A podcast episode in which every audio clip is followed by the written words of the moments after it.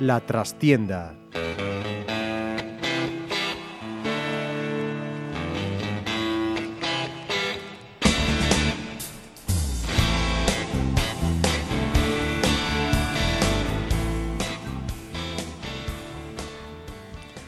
Saludos amigos, os habla Ramiro Espiño en nombre de todo el equipo. Comenzamos La Trastienda, una tertulia deportiva local nuestra que cada lunes tratará de debatir aquí en Pontevedra Viva Radio sobre el deporte pontevedrés principalmente y sus cosas, especialmente aquellas que no siempre se ven en las crónicas. Y como esto es una radio distinta y tú la puedes escuchar cuando te dé la gana, en directo o la carta, si lo haces en nuestra programación en streaming te diremos buenas noches, pero si lo oyes en cualquier otro momento, pues simplemente saludos cordiales, que no es muy original, pero rinde un pequeño homenaje a un mito de la radio de este país. Así que comenzamos y lo hacemos presentando a los invitados que en este para nosotros histórico primer día de emisión de Pontevedra Viva Radio nos acompañan en nuestros estudios de la Plaza de la Ferrería. Los tres tienen en común, además de ser afamados periodistas y escritores, escritores y periodistas, a veces no es lo mismo, pero se parece, que son asiduos del fondo norte de Pasarón, o por lo menos lo pisan, unos con más frecuencia que otros, aunque lo que de verdad les llama son las birras prepartido de apayota. Así que Rafa Villaverde, dicho así, quizá no muchos no, lo identificarán, pero si decimos que Rafa Cabeleira, de Campelo, República Independiente, que eso imprime carácter, columnista del país, bloguero y tuitero influyente, como suele suceder antes que profeta en su tierra, está siendo valorado lejos de ella. Muy buenas. Muy buenas, Ramiro, un placer estar aquí con vosotros. Rodrigo Cota, mexicano de nacimiento, pontevedrés de, de adopción y no sé si también de convicción. Muy de adicción. Y de adicción. bueno, en realidad lo que nadie sabe de Rodrigo Cota es que se trata de la reencarnación de un célebre escritor medieval. Y aunque no quiera pecar de inmodestia, él lo tenía muy bien guardado. Ya me dirán si no, todos los datos se encajan. Rodrigo Cota de Maguaque. Fue un escritor español del siglo XV, fallecido aproximadamente en 1498. Pocos datos se tienen de su vida, excepto ser toledano y de origen judeoconverso. Va encajando, ¿eh? Fue hijo de Alonso Cota, recaudador de rentas reales en Toledo, cuya actividad desencadenó la revuelta anticonversa de Pedro Sarmiento, y escribió unos versos contra Diego Arias Dávila, contador mayor de los reyes católicos, por no haberle invitado a la boda de su hijo.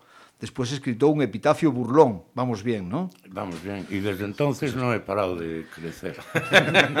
Otras obras que se le han adjudicado a Rodrigo Cota fueron especialmente el primer acto de la Celestina, según el propio Fernando de Rojas, que como bien sabrán se parece muy mucho a ese libro suyo llamado El inaudito secuestro de Mariano Rajoy. O sea, ya ves, no hay duda. Además, por si hubiera aún alguna, en 1497 tuvo que jurar del judaísmo y se cree que murió poco después para reaparecer actualmente en Pontevedra y deleitarnos con su ironía y sátira político-ciudadano prosaica. Así es. Vaya resumen, qué calladito te lo tenías. Pues sí, muchas gracias por descubrir mi gran secreto. y me dirán ustedes, ¿qué narices tiene que ver esto con la tertulia deportiva? Bueno, de alguna manera había que empezar, ¿no? Y el tercer invitado, el tercer contertulio, es Xavi Fortes, de Pontevedra, aunque con raíces no ocultas en Cotobade. Muy buena, Xavi. Muy buena, sí, Cotobade, Caroy, parroquia más alta, del monte. Creo que a estas alturas presentarles una estupidez innecesaria que no voy a cometer, porque es junto con Manuel Javois el periodista pontevedrés más conocido y reconocido. Además, y eso es lo que de verdad importa, Granate converso, después de una etapa inicial que prefiero olvidar, oscura, que su esposa nunca dejará de recordarle como catangueño para los no aficionados o los no iniciados aficionados al Celta de Vigo. Sí, bueno, yo no, no, no le tengo más creencia del Celta, del Celta al Celta, le tengo cariño y, y, es, digamos, mi segundo, mi segundo tercer equipo, por orden de preferencia, ¿no? Lo que es cierto es que yo era del Celta de niño cuando desconocía la trayectoria pabullante y deslumbrante del Pontevedra en Primera División, hasta que un día mi, mi abuela me lo, me lo, contó y a partir de ahí empecé a investigar. Pero digamos que lo mío con el Celta es una relación un poco esquizofrénica, o sea, yo incluso en aquellos años me escapaba de vez en cuando a la grada de Río, eh, para ver al Celta en primera división o en segunda división y cuando venían aquí a jugar pues un partido de Copa o Luis Otero, que era habitualmente en verano, pues ahí teníamos más que palabras en el Puente del Burgo. Pero mm, aparte de eso, pues ningún... Vamos, que a ti lo que te ponía era la bulla directamente. Sí, pero bueno, era una bulla sana, digamos, que era aquello de aldeanos que les llamábamos, porque claro, nosotros éramos un equipo en segunda B, en tercera, ellos en primera división, en el estudio estadio, partidos televisados, y nosotros aquí, nada, no, no había de aquella ni televisión de Galicia, con lo cual algún resumen en la española. Pero, pero en cualquier caso, al Celta yo le tengo mucho, mucho cariño, solo espero que alguna vez el tiempo, ya que Rodrigo Cota habla de... Rodrigo Cota se parece también a Álvarez de Sotomayor, digamos, que es como Pedro Madruga, que todo el mundo dice que se transmutó en Cristóbal Colón y por ahí sigue. Pues Rodrigo Cota, por lo que se ve, lleva... Eh, 400 años como el retrato de Dorian Gray envejeciendo en el desván y él sin embargo se mantiene aquí en plena forma. Y nosotros 400 pues, años de tapado de tapado no y, y, a mí me pues me pasa lo mismo. Entonces digamos que el fútbol te permite esas licencias y yo me las tomo con mucho gusto. Bueno pues decirme ¿Cómo habéis confluido los tres? ¿En, en Apayoto o en Fondo Norte? No sé. Yo, yo un matiz, como no me gusta mentir más que lo imprescindible, es decir, cuando llego a casa fuera de hora, pues diré que yo ya no voy mucho al Fondo Norte. Digamos que me he aburguesado bastante, ahora voy más al, al palco. No, no, porque es un amor de conveniencia, vamos. Sí, sí, no, porque además hay ahí unos, un ambigú muy, muy recomendable, con un buen vino de Rioja y unas. Eh, no hables de Rioja, hoy no. ¿Por qué? ¿Qué pasó? De Rioja hoy no. ¿Qué pasó? Hombre, que nos han metido 3-0, concha. Ah, bueno, el Logroñés, sí, bueno, ya. Pero vamos, por decir las cosas, yo fui mucho a, preferencia, fui mucho al fondo norte y al fondo sur de chaval. Ahora voy, voy más a tribuna, pero sigo disfrutando las cañas de la payota con Rodrigo y con Rafa. Nada, sigues llevando el camino normal de la progresía nueva, ¿no? se pasan al palco, se van a esquiar, gustan de los toros, la caza... Sí, la verdad es que tengo todos para ser candidato del Partido Popular en las próximas elecciones, pero me da a mí la impresión de que no me lo van a ofrecer. No lo creo, no lo creo, pero bueno, nunca se sabe. Tú que eres un fijólogo, tengo contactos en el PP, si quieres. Que, Por lo que he leído hoy en el día de Pontevedra, tú eso lo tienes manejado, vamos. Lo tengo todo controlado. ¿Y cómo va? Pues te vamos a hacer presidente de la Junta. Ah, bueno, pues nada. ¿A Fijo o a Xavi? A Xavi, a Xavi. Xavi, a Xavi. Oye, aceptaré, aceptaré gustoso. Pues bueno, mira, mi, mi, mi entrada en, en Fondo Norte, yo fui primero socio de preferencia durante algunos años. Hasta que la gente con la que iba yo, que no era una peña, sino un grupo de amigos, Xavi los conoce muy bien, eh, nos, nos pasamos a, a norte porque entendimos que eh, era don, era nuestro eh, lugar natural, ¿no? nuestro hábitat. Eh, pues a mí siempre me han caído muy bien los chavales de Furia, por ejemplo, que además yo los vi crecer en preferencia. Se sentaban delante de nosotros cuando eran tan jóvenes que no les dejaban ir al norte, cuando montaron la peña e acabamos todos en Norte e, e cuando voy, que tamén tengo que reconocer que esa temporada no, no he ido tanto como me hubiera gustado, cuando voy voy al Norte, que es donde están... Tus raíces. No, no iba a decir, no, muy auténticos son todos, no, pero bueno, que me cae muy bien la gente del norte, la gente de las peñas y tiene una manera de disfrutar el fútbol que a mí siempre me ha encantado. Y cuando me desplazaba, eh, cuando había algún desplazamiento, yo siempre les pedía un sitio en su autobús, que era pues... En los autobuses de Fondo Norte Galicia era independiente y, y estas cosas a mí eso me Sí, no, yo también. Yo sí, yo sí pediría un, digamos, en, en general, en, en ciertas asociaciones o entidades, la división se paga mucho, ya sea pues un organismo político, un organismo futbolístico o de cualquier tipo. Yo sí pediría, pediría y, y haría, vamos, desde luego, trataría de ahondar en ese camino de evitar eh, soslayar o por lo menos minusvalorar o en reducir a la mínima expresión esa tensión que parece que surge desde hace algún tiempo entre cierto sector de Pasarón, habituado en el fondo norte, y, y otra gente. ¿no? Yo creo que somos los justos para empezar una, una, etapa que nos lleve al lugar que nos corresponde, que para mí el lugar natural de Pontevedra es la segunda división, y de ahí a soñar con subir a primera o bajar a segunda B, pero evitar eh, los malos rollos, ¿no? evitar los malos rollos de una parte y de otro. Eh, a mí me gustaría llamar al entendimiento y que ambas partes volvieran a, a retomar la senda del, de la concordia, con las lógicas discrepancias que puede haber, porque uno lo ve de una manera y otro de otra, pero tratar de eliminar la crispación en la medida posible, a mí me gustaría. Vamos. Sí, porque somos pocos como para claro, ser mal avenidos claro. por encima, ¿no? Claro. Sí, pero bueno, hay que ser malavenidos también. Vamos a ver, si somos todos granates y queremos lo mismo, pues podemos hacer peleándonos como si fuéramos de Campelo. Por ejemplo. sí. Pero de manera figurada, lo de Sí. Campelo me el, refiero. el Rafa. pensamiento único que yo sepa hasta aquí, hasta el momento, nunca ha traído nada bueno. o sea que un poco de. Eso. Sí, de, sí. de- a la greña, de, de no llevarse bien. Pues al final de las malas relaciones también surgen las mejores, ¿no? Surgen los grandes amores. Del odio al amor dicen que hay un paso. Sí, pues sí. en esto también puede ser un poco lo mismo. Sí, evidentemente el fútbol donde te sitúes en el campo lo ves de una manera distinta. El que se fuma un puro en tribuna y el que lo ve en el fondo está Al claro. que se fuma otros tipos de Yo- cosas en el fondo. también, ¿no? ¿no? Una- pero, una pero visión diferente. eh, Rafa, fueron tempos en todo caso. Había, Bueno. había una, una expresión, ya que me lo pones, eh, en, en suerte, que sería en Largo Taurino. La película me, me parece que se llama Tras el corazón verde, donde Michael tienen que- Douglas. Michael Douglas y Kathleen Turner al final tienen que calentarse porque está en la jungla lloviendo, se meten en una avioneta que había caído no sé cuántos años y entonces tienen que calentarse, ¿no? Y entonces la única forma de calentarse es eh, quemar unos fardos de marihuana o de hierba o de hachís que hay allí. Entonces dice eh, Michael Douglas a Kathleen Turner, ¿alguna vez habrás fumado? Y ella le responde muy a la gallega, debía ser el guionista medio gallega, porque le dice, he ido a la universidad, ¿no? O sea, pero ya hace tiempo que he ido a la universidad, volviendo un poco a lo que decías. Pero eh, sí que me gustaría de todas formas que hubiera un poco más, de, a mí por lo menos, que soy un poco sentimental en ese sentido, que no hubiera tanta crispación en algunos. Creo que está mejorando notablemente en algunos aspectos y que vaya un poco la cosa mejor, porque el Pontevedra tiene que volver a donde solía y donde estuvimos y fuimos grandes fue cuando había una comunión total. Sí, porque, campo. a ver, evidentemente, eh, los que recordamos, que no hace tanto tampoco, tú estabas precisamente allí como responsable de comunicación también, Ah, aquel sí, Pontevedra a 2004. los principios, claro. Eh, el ascenso a Segunda División del 2004 yo siempre digo que estuvo fundamentado en la unión absolutamente Total. de todos los pilares, Total. directiva, jugadores, entrenadores, afición, medios de comunicación. Quizá eh, eso sí que no ha tenido la repercusión debida en este último ascenso, en el que desgraciadamente no hubo, sí que hubo 12.000 personas en Pasarón, pero luego al día siguiente el recibimiento a la plantilla yo lo, lo he visto muy frío, ¿no? Sí, fue, creo que el que te refieres al que hubo en la plaza de Mugartegui. Sí, justo. eh, sí, quizá fueran ya dos días de resaca. Yo cuando fue el ascenso del No, pero 2004, también lo hubo en el 2004. No, yo estuve tres recuerdo que- días sin acostarme, literalmente, tres días sin acostarme. Y al día siguiente del partido había Pero 25.000 tenía personas en la 30 y calle. pico años, es que cumplí 50 el otro día y ya me cuesta subir las mayores, escaleras, no solo a alguno de los que está aquí, a mí también me cuesta. Pero, pero sí, hombre, eh, yo siempre lo digo porque, porque es bueno que...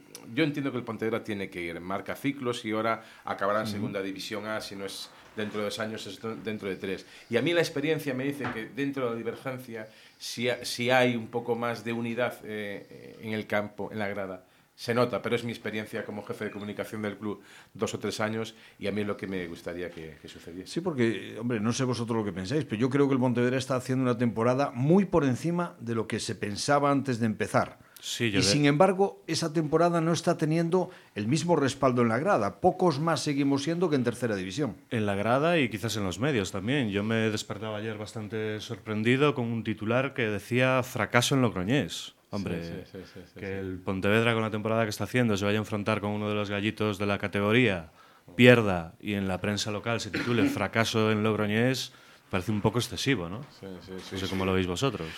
Sí, eh, desde luego sí. Yo creo que Luisito, que a mí fue un tipo que al principio lo veía un poco, digamos, extemporáneo por sus reacciones en, en Pasarón, luego, digamos, fue cayéndome mejor y creo que es un tipo muy sano y que hay que escucharle. Incluso cuando tiene sus arranques temperamen- temperamentales como tuvo en, me parece que fue en Bouzas. En días, en Coruxo. Tiene toda la razón. Bueno, como esto es un, eh, una emisión ya en directo, pero casi en pruebas, y para la gente de Fondo Norte, lo diría de la siguiente manera.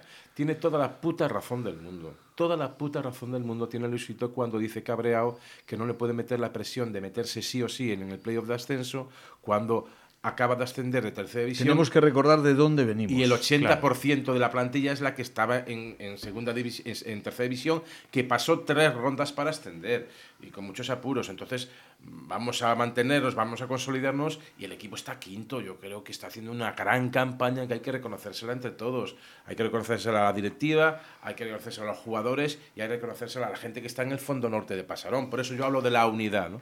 Y en ese sentido yo creo que la campaña que está haciendo el Pontevedra es para quitarse el sombrero. Sí, hombre, eh, está claro que eh, Luisito es, era la persona adecuada, ¿no? Y lo, y lo es. Que las expectativas a veces son demasiado altas. No podemos, eh, después de, de, un ascenso, eh, pretender, si estamos de quintos, coño, claro. eh, y que, que, igual hasta el final acabamos metiéndonos. No, no, no bueno, es complicado, pero bueno, de momento no, estamos de quintos. Bueno, hombre, eh, cuando en principio la, la expectativa era la permanencia, ¿no? digamos, la, el, el sí, objetivo sí. era consolidarnos. Y de repente, claro, empezamos a ganar, nos ponemos ahí arriba y ya estamos exigiendo el ascenso. Bien, eh, Luisito es un tío inteligente que también sabe decir, oye, eh, vamos a ver, tíos. Sentidiño. Eh, sentidiño.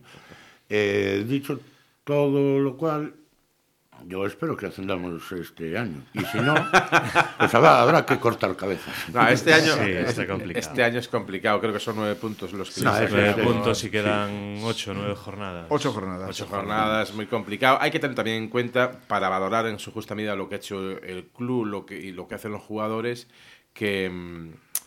Eh, ¿Cómo, ¿Cómo, arrancamos en, en, en Segunda B? Que, que, llevamos cinco jornadas sin, con un punto, me parece. O sea, que estábamos abajo, abajo de todo. Entonces, y ahora estamos quintos, porque han apretado mucho el Tudelano, el Logroñés, eh, perdimos como perdimos en, en, en, el, en las Gaunas. Entonces, pues yo creo que, que, yo creo que hay que darle un enorme mérito al Pontevera, como al Teucro, del que luego seguro que hablaremos, sí, sí. hablamos, un mérito enorme. Sí, ¿sabéis lo que, lo que pienso yo realmente? Que este Pontevedra el, el, público que va a Pasarón, que no es tanto, insisto, como creo que nos gustaría a todos, sin embargo sí está en su gran mayoría sabiendo valorar el esfuerzo del equipo, sí. sabiendo de dónde venimos sí, y sí, reconociéndole que por encima de todo, más allá de el aspecto técnico, la calidad que puedan tener los jugadores, la plantilla y demás, una cosa creo que no hay duda, que es que se dejan todo lo que tienen en el campo. Sí, yo, por ejemplo, que vivo al lado de Pasarón y muchas veces, aunque no vaya al campo, sí que puedo testar un poco cómo va el ánimo del público. Cuando pasan por debajo de, de mi casa este año, sí que notas cierto orgullo en la ficción, ¿no? No, no ves sí, estos sí. insultos, estas malas caras, estos me cago en mi madre, me cago en todo, de otras temporadas en las que a lo mejor la expectativa era más alta y no, no se cumplía. Este año sí que se ve cierto orgullo y cierta satisfacción en la afición del Pontevedra. Y respecto a lo que decía Rodrigo, de que a lo mejor todavía no es tarde para ascender, yo sí que quería puntualizar que más complicado lo tiene el Madrid, por ejemplo, ganar la Liga. Y todavía ayer estaba la cofradía del clavo ardiendo, invocando al si se puede y hay Liga, ¿no? O sea que ¿por qué no lo vamos a ilusionarnos nosotros? Eso también es verdad. Es, sí. sí, sí. A mí es que quizás ese sea un poco el problema y, y luego nos preguntamos por qué eh, la gente pues no está yendo eh, a Pasarón como nos gustaría. Pues porque muchos dicen, bueno, eh, ¿para qué? Es decir, si no vamos a ascender, y ya nos lo están diciendo, eh, que nuestra meta no es esa, nuestro objetivo, ni siquiera estando quintos, nuestro objetivo es ese, la gente va a decir, bueno, esto está todo el pescado vendido, enhorabuena a Luisito, enhorabuena a los jugadores, enhorabuena a la directiva, enhorabuena a todos por la magnífica temporada, y yo pues me quedo en casa si llueve y si no me voy a la playa. Pero hay dos objetivos muy bonitos. ¿eh? Evidentemente, a ver, está claro que la permanencia con 47 puntos está hecha, está no hecha. matemáticamente, pero casi, casi virtualmente. Pero a lo mejor lo que no saben, desde el club no se está sabiendo transmitir a la afición mensajes ilusionantes del estilo de, primero, hay que quedar entre los seis primeros, si se puede. Porque Copa. eso tiene un premio añadido que es participar en la Copa del Rey, que por desgracia el Pontevedra no todos los años lo ha hecho. Llevábamos mucho tiempo sin hacerlo, ¿no? Y segundo, si suena la flauta, el Pontevedra ahora entra en un periodo del calendario ya no digamos, ¿no? Sí. Siempre con las lógicas dificultades que supone jugar contra los equipos de abajo, pero es que contra los de arriba hemos jugado con todos. Yo, yo lo que creo que lo que se trató con ese, digamos, eh, eh, Luisitazo, si vale, si vale la expresión, sí. o Luisazo, es, eh, digamos, que precisamente la gente no, no cayera en la frustración, porque hubo un momento en que nos metimos cuartos, efectivamente, pero era muy complicado y sí, los presupuestos se ven. Entonces era valorar lo que, lo que, valorar lo que estás haciendo para que no caigas en la melancolía ni la frustración, ¿no? Y ya el año que viene, pues a lo mejor se pueden hacer las cosas, digamos, ya con un poco más de tiempo y, hay algo más de recursos para, para, poder hacer afrontar algo más, ¿no? La ilusión en el fútbol es fundamental y, y en Pontevedra tal. Yo sí hay una cosa que quiero decir y es que siendo cierto que queremos que haya mejor aspecto en las gradas de Pasarón, hay dos aspectos. Primero, Pasarón es un campo muy grande, o sea, es un, con 12.000 asientos. Eh, seguramente tiene muchos más, eh, más del doble de la mayoría de los campos de Segunda B en el grupo primero, en el segundo, el tercero y el cuarto. Y que algunos de Segunda eh, tiene aproximadamente unos 2.000, 2.500 fijos en Pasarón, cerca de 3.000 socios, y yo creo que para Segunda B con, el, em, con la circunstancia de que actualmente se televisan todos los partidos en casa de Segunda B y que tienes una oferta de ocio deportivo y no deportivo como no había en, la Segunda B que tú conocimos en los años 80 y por supuesto en la época lejana de Primera División.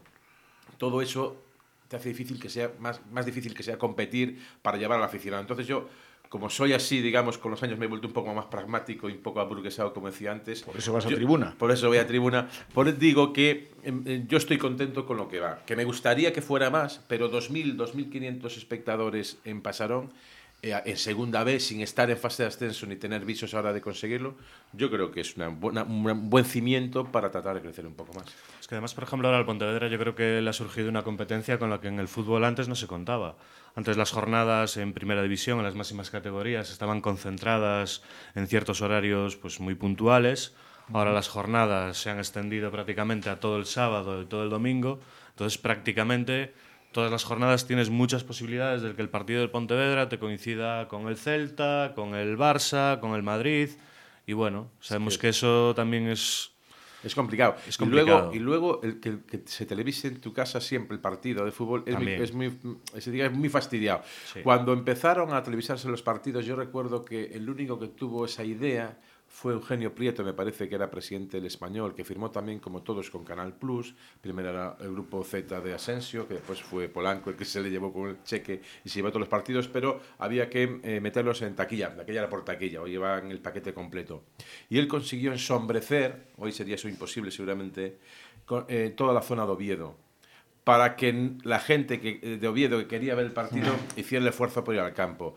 Si tú tienes todos los partidos hoy televisados, ya sé que el, dinero es importante y que no hay forma seguramente de ensombrecer esta zona, o a lo mejor sería, digamos, considerado como una faena para la gente de aquí que no puede ir al campo. Pero la competencia de televisar todos, absolutamente todos los partidos en casa, hace que la gente se habitúe a quedar un día de lluvia tomándose un whisky en casa viendo el partido y no ya pasaron. Sobre todo porque hay que pensar una cosa, que a lo mejor es un dato que mucha gente desconoce, pero que es real, tú que has estado en el club lo sabes, que el socio del Pontevedra, la masa social del Pontevedra, casi un 70%, es de fuera de Pontevedra ciudad. Y eso a veces en determinadas tardes de invierno, si tienes otra opción, condiciona a venir a Pasarón. Entonces eso yo creo que es muy difícil arreglarlo y posiblemente no haya otra solución y además es bueno porque puedes un día estar fuera y ver el Pontevedra, pero hay que, hay que buscar para el año la fórmula, por eso yo hablaba en principio de, de resetearnos todos desde desde todos los que vamos al campo, a los responsables del club, a, todos los estamentos, darle una vuelta para tratar de llevar más gente a Pasarón, yo insistiendo en que creo que lo que va es un muy buen punto de partida, y ver la fórmula de, tener un poco más. ¿no? Y, yo creo que a lo mejor amoldando los precios, la forma de las televisiones de todos los partidos en casa y algo más, y algo más, a lo mejor variar los partidos, se puede jugar un partido un sábado por la noche. Por ejemplo, decía que los partidos de inicio de temporada, que hasta pasado tú bien lo sabes, bien septiembre, octubre, eh, la gente en Pontevedra, si viene un buen final del verano, no te va a pasar. ¿no? El primer partido de liga seríamos 800 en la grada, si había. Pues a lo mejor jugarlos un sábado a las 10 de la noche, y hacer una pequeña verbenita fuera de Pasarón. Es decir, buscar la verbenita yo lo veo bien. Rodrigo? Lo, firmamos. Esa época. de acuerdo. Buscar atractivos para que la gente vuelva a Pasarón porque hoy compite con muchas más ofertas de ocio deportivo y no deportivo que antes no había. Bueno, y, y en el tema meramente deportivo, ¿qué pensáis que le podría faltar a este Pontevedra para dar ese saltito de calidad y poder aspirar de verdad a los cuatro primeros? Después de haber visto pues prácticamente ya toda la liga como, como hemos visto. Bueno, mira, yo creo que ya que estamos mm, todos de acuerdo en que el Pontevedra está haciendo una temporada bestial, eh, darle tiempo a que se acabe esto, que acabe lo mejor posible, si es posible. Yo insisto en que mientras se pueda hay que soñar con el ascenso y luego ya de cara a la próxima temporada y darle cancha a Luisito para que y darle cancha y darle eh, posibilidades, dinero para fichar, que tampoco tendría que revolucionar todo, toda la plantilla. ¿eh? Asegurar, asegurar lo que eh, podríamos definir como la columna vertebral, desde el portero, que hay que, eh, digamos, conservarlo. El centro de la defensa yo creo que está, se puede reforzar, pero está bastante bien. El lateral derecho yo creo que tenemos un lateral derecho perfecto en Adrián para la categoría. Eh, conservar a Kevin, porque es un chaval de aquí que estudia en un instituto de aquí, me refiero en la, segunda etapa en la FP de Educación Física en el Sánchez Cantón, por tanto ha mamado lo que es el Pontevedra y lo que es la ciudad, es un jugador sobrado para la categoría y que tiene ofertas para irse a Segunda División A. Eh, tratar de tener un goleador, goleador y una, una, pieza o dos más. ¿Eso cuesta dinero? Sí. El club lo primero que tiene que hacer es garantizar la viabilidad económica, porque si no ya sabemos lo que va a pasar, por ejemplo, en, Huelva con el decano. ¿no? Para mí lo prioritario es conservar la viabilidad económica. Pero dentro de eso, si se puede hacer un esfuerzo para ese aliciente del que hablaba Cota, para el año que viene, irnos ya desde el principio, mira, nuestro objetivo es meternos entre los cuatro primeros, pero ya el año que viene hay que hacer ese esfuerzo y contar con todos para hacerlo. Yo creo que lo fundamental es que las decisiones futbolísticas las tomen gente que de verdad sabe de fútbol. En el caso que estamos hablando de Luisito, yo creo que la prioridad debería ser que yo, por ejemplo, no soy muy fan de Luisito, lo tengo que reconocer, pero lo está haciendo muy bien. Entonces sí que entiendo que la prioridad debería ser que Luisito sea el líder verdadero de esta plantilla. ¿Y por qué no eres muy fan de Luisito? Si se puede saber. Mm, porque yo porque esas cosas no se dicen, se dejan ahí. Sí, yo soy un tiquitaquero, blandurrio. como me dijo una vez Javois. Yo soy muy del fútbol espectáculo, soy un lírico, para entendernos. Y cuyo único dios es el pase horizontal. Exactamente. Entonces, a mí estas propuestas futbolísticas tan de, de, raza, de seguridad defensiva y estas cosas no casan mucho conmigo. Pero sí que entiendo que a Luisito le está funcionando, al Pontevedra le está yendo muy bien así. Quizás tampoco no es la categoría para andarse con demasiados lirismos y con demasiada poesía.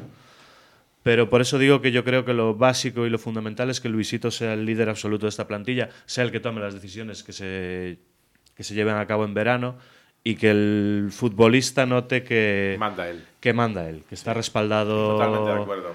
al máximo nivel. Puede ser, pregunto, que ya entrando un poquito más en lo, en lo que es el momento, el, el, hoy, digamos, del Pontevedra, que hemos pasado de ser un poquito la sorpresa, y bueno, pues los rivales no nos esperaban, a en esta segunda vuelta a tener más dificultades porque ya nos conocen, y nos encontramos con una situación en la que el Pontevedra pasó en que hacerle más de un gol era poco menos que una utopía, a, por ejemplo, en esta segunda vuelta llevamos encajados tres veces 3-0. No sé si, si, eso puede tener algo que ver y, nos puede también invitar un poquito a, pensar en dónde potenciar el equipo, porque está claro que para el año todo el mundo nos va a esperar ya no como el recién llegado, sino como, en el peor de los casos, esperemos que sea así, el quinto clasificado. ¿no? Pero es que ya está pasando eso. Decía antes Xavi que empezamos esta temporada muy mal. Os cinco primeros partidos é eh, mm. fatal. Entonces, claro, nadie te, no, te pierden el respeto, ¿entiendes? Dicen estos acaban de ascender e llevan un punto de 13 de, de 15 posibles. Claro, eh, cuando empiezas a ganar, entonces sí eres la sorpresa. A partir de ahí, también los equipos dicen, oye, cuidado con estos que no están, que no están de coña, ¿eh? que estos no vienen aquí a... Ni siquiera, yo creo que incluso llegaron a pensar, que es lo que deberíamos estar pensando todos, y yo insisto, en que cuidado con el Pontevedra, que va a acabar arriba. Entonces es un partido al que, es un equipo al que hay que tomarse muy en serio.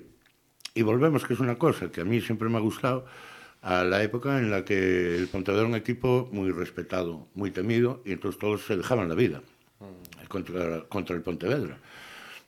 Claro, eso es lo que ha estado pasando eh, en lo que llevamos de segunda vuelta y quizás en, en, la etapa final de la primera vuelta. En la, en la etapa, digamos, en los valles mineros de la primera vuelta, fuimos a jugar, creo que casi consecutivamente, muy cerca, a, al Sardinero, al Plantío, al, campos del, al campo de Racing de Santander, del Burgos, y se ganó. Se ganó por primera vez en, en, el Sardinero, se ganó en el Plantío, equipos que evidentemente están arriba y como están.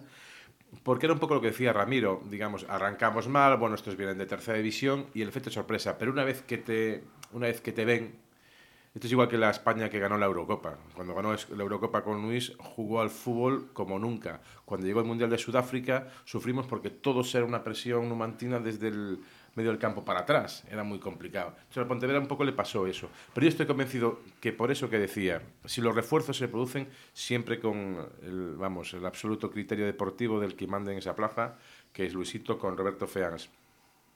Eh, la disponibilidad económica, que para mí es fundamental y en eso lo están haciendo muy bien Lupe y la directiva, que es medir la peseta o el céntimo de euro y luego darse cuenta que para el año es una fecha que no podemos dejar pasar por alto. Se cumplen 75 años, es decir, las bodas de platino de la fundación del Pontevedra Club de Fútbol y para mí sí que es una fecha fundamental para que todas las instituciones, la ciudad, los socios, de la manera que se quiera, vayan en masa Pasarón, se den de alta, apoyen y económicamente las empresas de la ciudad hagan un pequeño esfuerzo para que pueda reunir el Pontevedra al mínimo presupuesto para hacer un, un presupuesto de garantías. Para mí esa fecha es fundamental. Para cambiar de tercio, porque podríamos estar hablando aquí con estos contertulios hasta pasado mañana, ¿no?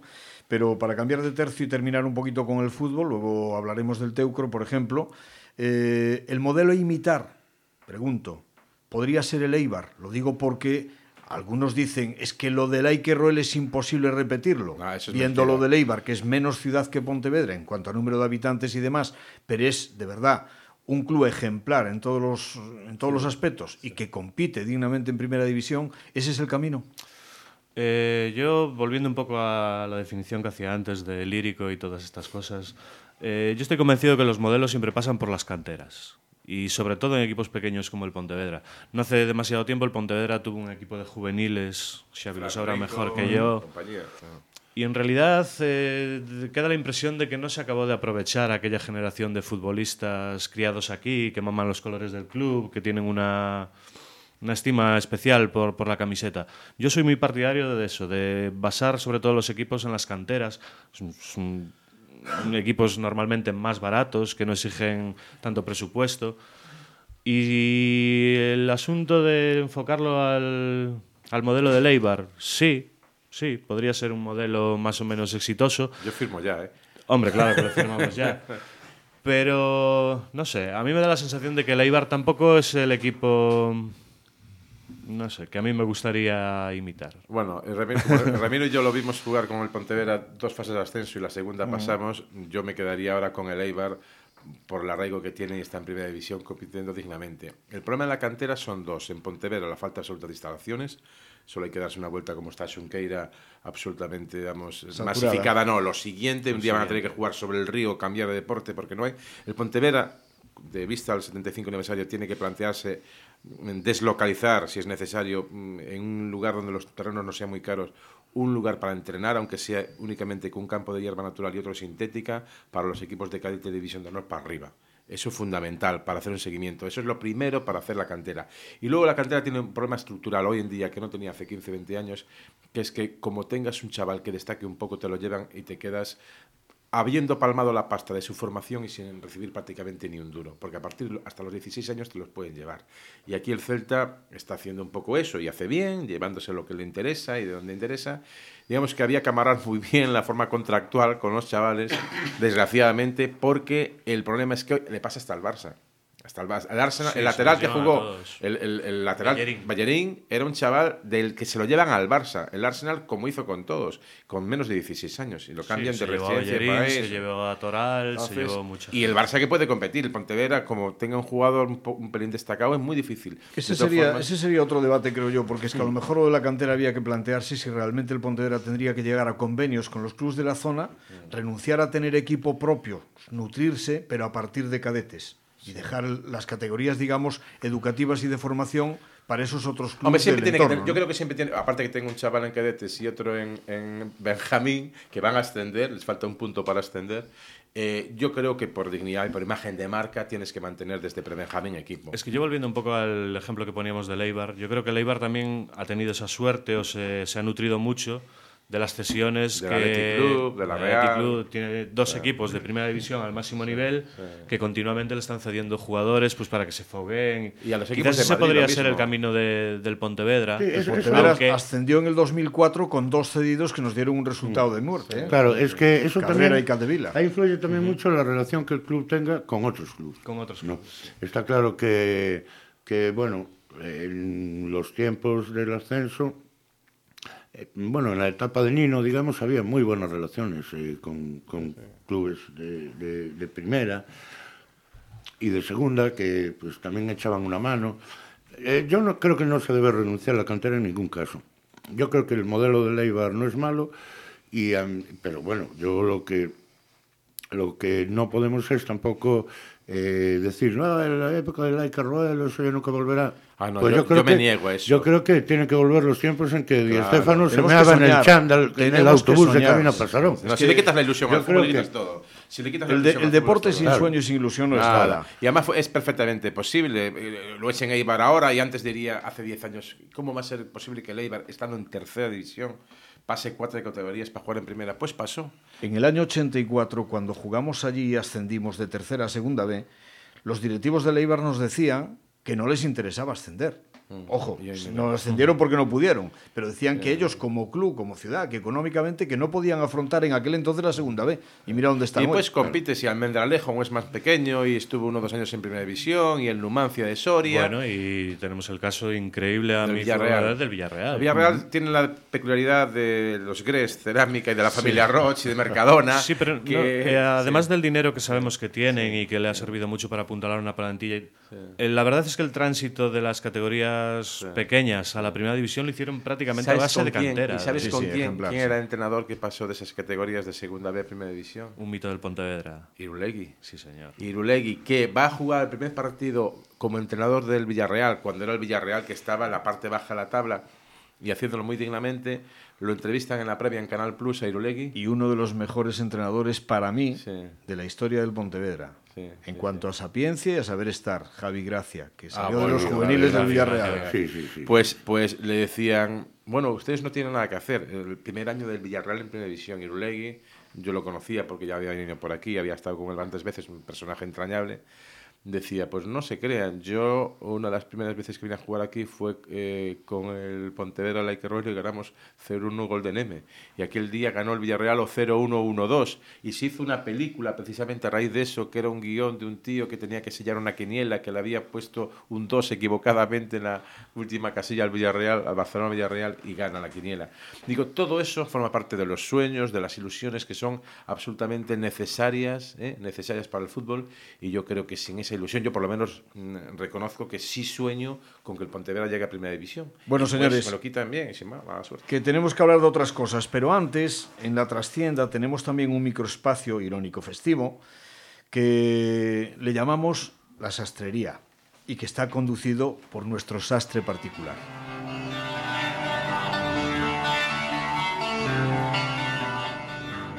Vamos a ver, que esto es una sastrería, sí, que cortamos trajes también. Pero los hacemos a medida y últimamente más bien pocos, que el personal no acaba de dejar atrás la crisis y hasta Baliño está en liquidación. Hay que ver con lo tarde que es y no he vendido una escoba, hasta, hasta ni tetulia, porque con esto de que los partidos los pasen a los sábados, ah, le quitan a uno las ganas de rajar los lunes, que ya se te ha ido el cabreo, vaya.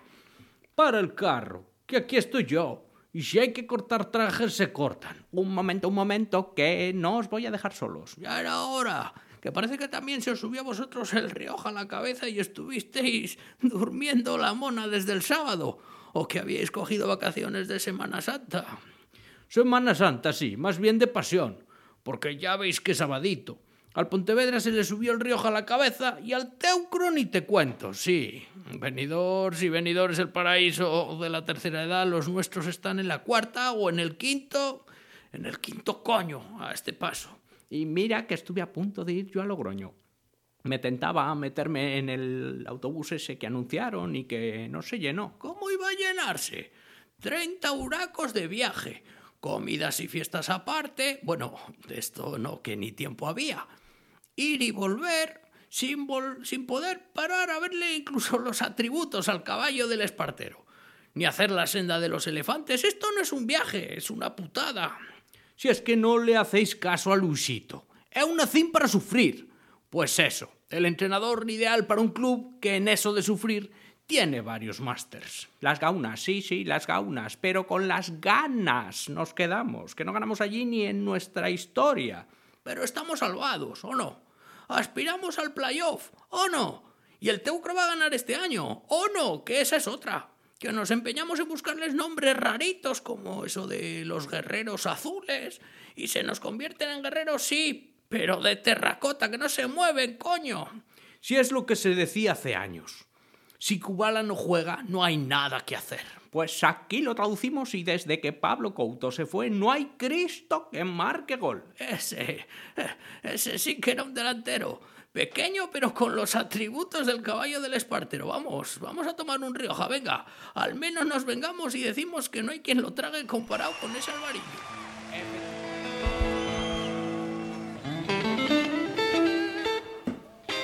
Bueno, pues la opinión de, del Sastre y de sus amigos.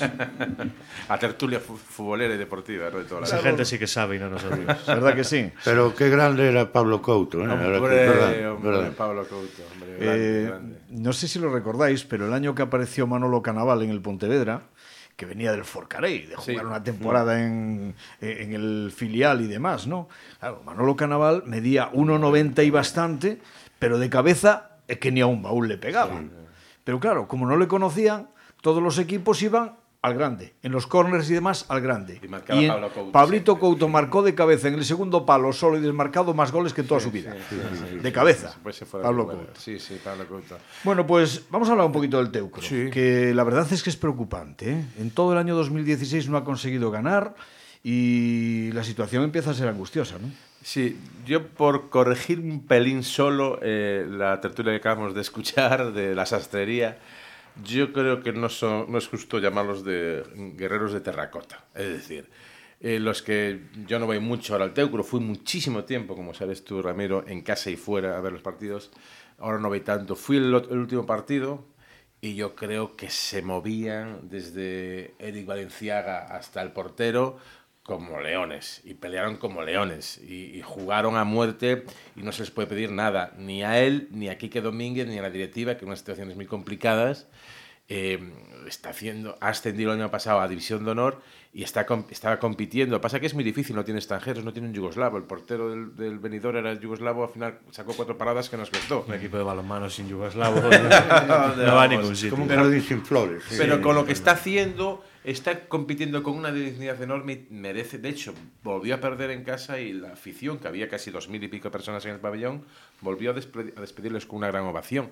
Yo creo que lo del Teucro, yo creo que está haciendo lo que puede o más que lo que puede y a ver si tiene un pelín de suerte para lanzar un par de victorias en casa y salir. Pero está complicado. Sí, estoy totalmente de acuerdo. ¿eh? No se le puede reprochar absolutamente nada. Igual que no se le podría reprochar al Pontevedra, porque claro, una cosa es que yo ahora diga, tenemos que seguir soñando mientras matemáticamente se puede. Pero es que si el Pontevedra estuviera ahora mismo eh, eh, pues en puestos casi de descenso, eh, tampoco se le podría reprochar demasiado a un equipo que, que acaba de ascender. Y, mm, y claro, balonmano es muy complicado, hay rivales potentísimos y, y las rachas a veces no son tan fáciles de encadenarlas. ¿eh? Eh, mm, partidos que se pueden decir por un gol. Eh, claro, yo no creo que ni los jugadores tengan falta de confianza, ni creo que haya ningún problema con, con Kike Domínguez. Simplemente, pues lo que dice Xavi, falta de escasez o falta de yugoslavos, eso es básico. Sí, y... pero eso cuesta dinero. Ya, ya, claro, claro. Eh, bueno, mm, que salgan de esta, que, que, que salven la cara esta temporada y, y, para, la- y para la siguiente ya se verá. Es complicado. ¿no? Sí, hay que darse cuenta que hoy en día la Soval es prácticamente la NBA del balonmano, Claro. ¿no? Entonces es muy complicado para un equipo como el Pontevedra poder estar compitiendo ahí de igual a igual. De todas formas, enlazándolo un poco con lo que hablábamos antes del Pontevedra, sí que creo que debería de cambiar un poco el chip del aficionado en general, ¿no? Eh, ¿qué más da que el Pontevedra esté en división de honor, el Teucro esté en división de honor o que baje a la categoría de plata? Lo ideal sería que el aficionado se tomase el día del partido como algo especial, como pasa por ejemplo en Inglaterra, que hay equipos de tercera división que meten 15.000 y 16.000 personas en los partidos. ¿Por qué? Porque el día del partido es el día especial en la ciudad es el día en el que se juntan los amigos, se van al campo. Todo. Eso, a eso me refería cuando hablaba antes del Pontevedra. Pues eso, eso yo creo que es el camino correcto tanto para el Pontevedra como para el Teucro, a nivel de, de aficionados. Y no tanto ese objetivo final de tenemos que ascender, tenemos que mantenernos. Yo creo que hay que ir más día a día, ¿no? Disfrutar Decíamos más al- del momento. Decíamos al principio, no perdamos el norte, no olvidemos de dónde venimos. Y Exactamente. creo que si hace poco más de un año nos dicen a cualquiera que el Teucro iba a estar vivo hoy, Claro, posiblemente no lo hubiéramos creído porque la situación, siendo mala la del Pontevedra, la del Teucro era absolutamente angustiosa. Claro, claro, es que, eso- es, Sí, que sí. es, es donde hay que situarse. Por eso digo yo que lo prioritario es evitar la desaparición. El Teucro, no solo que nos dijeran Ramiro este año estar ahora mm, eh, en puestos de descenso, pero a un punto de la salvación, digamos, es estar en Liga Sobal. Es que el año pasado ascendimos como campeones de la División de Honor B cuando empezó la la- el equipo y la temporada como empezó y, y- y con la situación económica en la que estaba, ¿no? Entonces, y hay una cosa, sin embargo, mm, digamos que es el, mm, era muy interesante lo que decías de eso del, del concepto familiar, de, de pertenencia de tu equipo, de Pontevedra fundamentalmente, el Pontevedra y el Teucro. Hablabas de los clubes eh, británicos, totalmente de acuerdo. Los clubes vascos tienen eso muy metido. Sí. Estén en segunda B, en tercera, la gente va al Tafalla o al que sea, al Guernica, van y es un día de disfrute familiar. el Por domingo eso- es una fiesta Por deportiva, eso yo sí. decía que en Sí. Pontevedra tenemos que hacer lo que sea por recuperar ese vínculo. Y en el Teucro, el otro día había 2.000, 2.000 y pico- casi 2.000 personas. O sea, había una muy buena entrada para, para el partido de- del pabellón. Y eso es algo que desde luego invita al optimismo. Yo desde luego solo tengo palabras de agradecimiento para la directiva del Teucro, para el entrenador que los tiene muy enchufados y para unos chavales que no han ganado un partido fuera de casa porque no pueden competir, no tienen lanzadores yugoslavos, no- o sea, les falta ese punto de, de calidad, pero que cada partido mueren, mueren por la victoria y creen en ellos ciegamente. Hombre, y para los que ya casi ni peinamos canas porque no nos quedan, ni de esas ni de las otras, recordar que los domingos en Pontevedra, en la histórica pista de Arzobispo Malvar, que tanto cabreaba a don Peregrino, Sí, porque la gente porque se le salía de la misa de 12 de, de Santa María para cruzar la, la calle e ir al Teucro. No, a eso, a eso posiblemente nos refiramos todos, de decir, recuperar ese ambiente de fiesta deportiva que suponían los partidos del Pontevedra, los Y del partidos del Teucro y del resto de nuestros representantes. ¿no? Pero fundamentalmente el Teucro y Pontevedra. Y además era algo... Yo ya no vi la, de- la, la pista de Arzobispo Malvar, vi la del pabellón con Javier Barrios a finales de los 70 entrenador. Y los chavales quedábamos, quedábamos ya eh, a las doce y media en el pabellón. Siempre se jugaba el domingo por la mañana y, por la tarde cuando jugaba el, el Pontevedra en Pasarón. Era algo consustancial, estuviese en segunda B o en tercera. Entonces, recuperar ese hábito y ese concepto familiar de los clubes británicos que lo han trabajado mucho en los últimos años, han expulsado a los, a los hooligans y tienen solo supporters. Y, y, eh, el concepto que tiene el deporte vasco eh, es el, el sitio donde vas al País Vasco donde más fácil es ser del equipo contrario, donde cuando juegan el derby se mezclan las aficiones, Se donde puedes estar yo tengo estado par- eh, narrando partidos en otras loca- localidades de, no voy a decir de qué parte de la geografía española, pero con problemas, y en el País Vasco podía estar narrando un partido del Pontevedra del ascenso del Teucro, en el Doy pabellón fe. Artalecu, y por ejemplo, por poner el Irún, jugándose el Irún la Liga y nosotros luchando contra ellos, y te trataban con un respeto reverencial. Entonces, recuperar ese concepto eh, frente a otras aptitudes o modalidades que hay ahora, tan broncas, lo hablábamos antes de empezar la tertulia, me parece que es fundamental. Eh, una anécdota simplemente para terminar. Tú lo decías, a mí me ha pasado en Rentería, hace muchos años, retransmitiendo un Erencha Teucro a pie de pista detrás de, de una portería y el pabellón absolutamente lleno. Hubo dos invasiones de pista. O sea, para protestarle a los árbitros y demás. Conmigo no se metió absolutamente nadie. Me dejaron hacer mi trabajo y a poquitos aficionados gallegos que había allí, pero alguno había, en absoluto ni el más mínimo problema. Y, y yo voy un poquito a eso, ¿no? Decir, fiesta deportiva, disfrutemos y luego si ganan los nuestros mejor y, si, no, ganan, mala ¿por qué le vamos a hacer? Exactamente. Señores, un placer. Rafa Cabeleira, Encantado de haber estado aquí con vosotros. esperemos tenerte otro día, por supuesto. Cuando se pueda. Rodrigo Cota, Un placer. Muchísimas gracias, igualmente. Xavi Fortes. Bien, y para la próxima vez tenemos ascensor, ¿no? Digo porque Eso ya no es un poco yo. más complicado, pero para chicos deportivos como vosotros, ¿qué más da eso? Y, y Un unas, y unas cervecitas también. Un Bueno, placer. eso, eso está hecho. Un placer, hecho. Ramiro. Ahora, ahora mismo en cuanto bajemos. Un placer, Ramiro, y lo quería decir, y mis compañeros pensarán lo mismo y si no lo, lo refrendarán. Muchísima suerte para este proyecto que empezáis. Es bueno para Pontevedra, la plataforma digital informativa diaria de Pontevedra Viva, y es también muy saludable la pluralidad de voces, y esperemos que la radio de Pontevedra Viva también sea un vector que nos ayude como ciudad a ser una ciudad más crítica, más autocrítica y, digamos, con más posibilidades de vuelo. Lo Cualquiera, firmamos, lo firmamos. Qué bien habla este hombre. cualquiera que os escuche va a decir que tenéis la nómina asegurada aquí. Ah, pero no era Muchas así. gracias en, en nombre de todos los compañeros. Y Gracias porque presumimos de buen gusto musical, cada semana despedimos la trastienda dejando lo que para nosotros es una joyita. Como es nuestro primer programa, no se nos ocurre nada mejor que hacer sonar íntegra esta versión de la que será nuestra sintonía. Se trata de Bach, una de las obras maestras de mano lenta Eric Clapton, perteneciente a su primera etapa en Green, o sea que la disfrutéis y recordad, estamos empezando, si os ha gustado, recomendarnos a vuestros amigos y conocidos porque prometemos que la semana próxima habrá más y si podemos también mejor.